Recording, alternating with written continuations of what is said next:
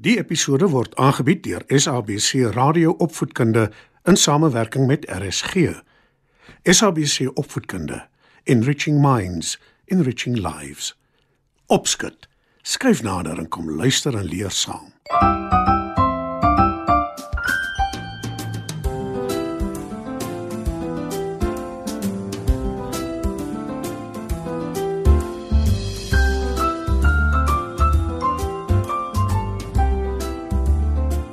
Goeienaand maats. Dis weer tyd vir opskud. In vanaand se storie vertel ek julle hoe koning Leo die ander diere om die bos gelei het, maar hoe een van hulle te slim was vir hom. Skyf gerus nader en luister saam. Lank, lank gelede in 'n land ver hier vandaan, het koning Leo oor al die diere van die aarde regeer. Almal het die koning geëer en al wat diere is, het in vrede saamgelewe.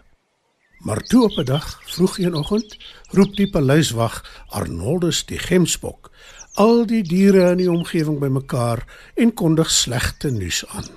Dis met pyn in my hart dat ek met julle moet meedeel dat koning Leo baie siek is. Sê hy met 'n knop in sy keel. Die diere kyk geskok en ongelowig na mekaar. En die nuus versprei soos 'n veldbrand deur die koninkryk.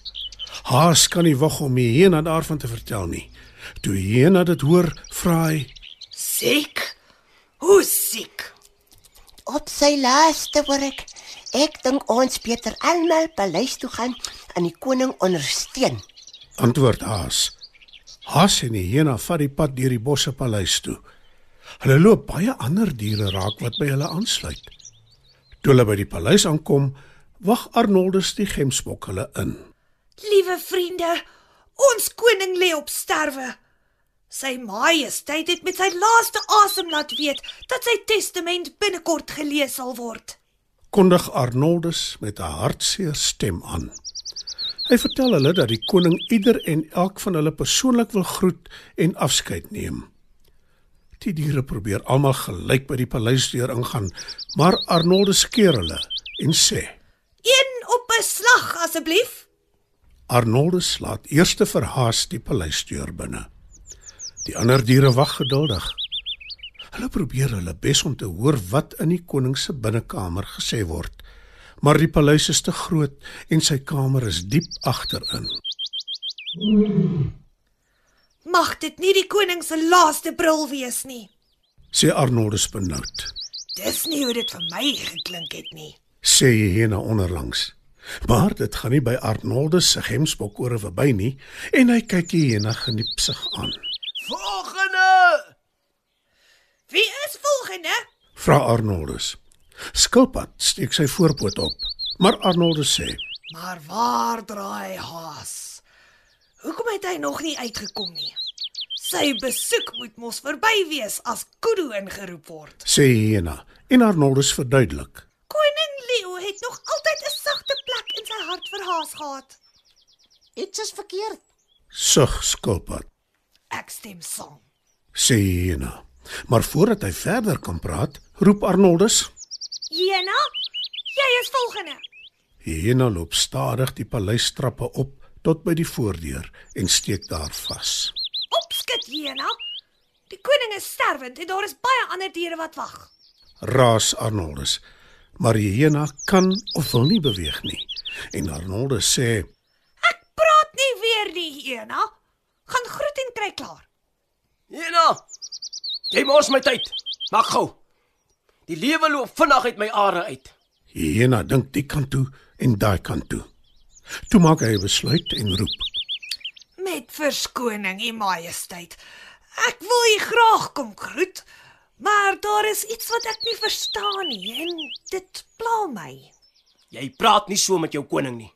Roep koning Leo kwaad.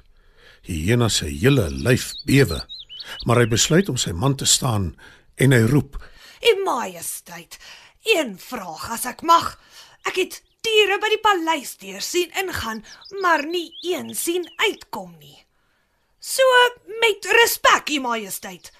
Ek groet u sommer van hier af. Die diere mor onder mekaar oor die hyena se onvanpaste gedrag. Gemsbok is lus om die hyena met sy horings by te kom.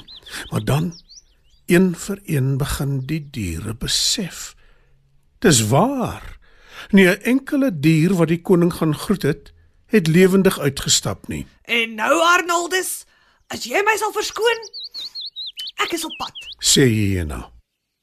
Hy draai om en stap die bosse in. Die ander diere huiwer en volg hom dan.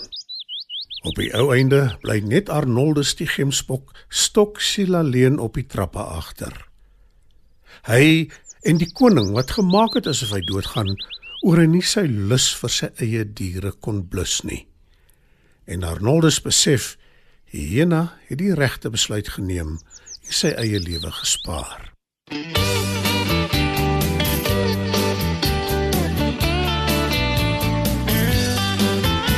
Jan was 'n natte kat wat die ou nie wou verlaat. Hy het alles geprobeer om die kat daar weg te keer, selfs na die predikant om raad van hom te kry. Die predikant het gesê die kat moet daar bly.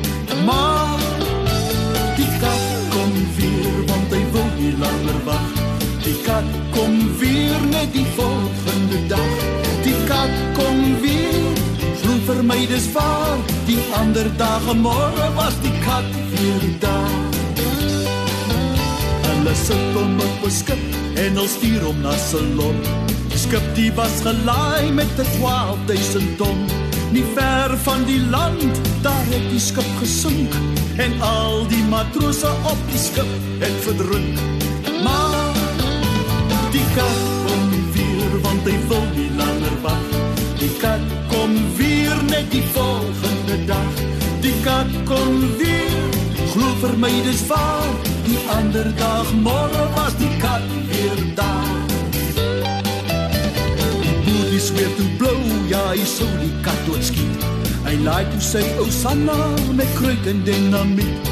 Hy lê die kat toe voor, die pad wat hy sou kom. Die ander dag môre lê net vel en been. Maar Die kat kom weer want hy wil nie langer wag. Die kat kom weer net die volgende dag. Die kat kom weer. Glo vir my dis waar. Die ander dag en môre was die kat weer daar. Kat sit op die stoep en hy eet 'n stukkie kaas. Daar kom 'n skotsman aan. Hy maak 'n groot geraas. Die kykie kyk verwonder, weeg hom met sy poot. Die skot speel Britannia, die kat skrik hom dood. Maar die kat kom weer want hy wil nie langer wag. Die kat kom weer net die volgende dag. Die kat kom weer, glo vir my dis waar. Die ander dag môre was die kat weer daar. Die ander dag môre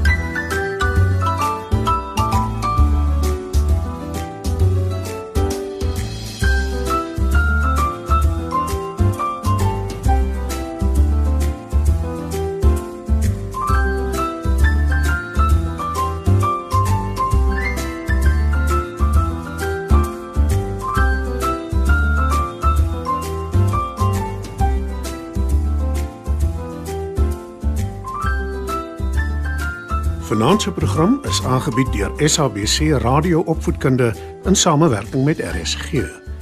SABC Opvoedkunde, Enriching Minds, Enriching Lives.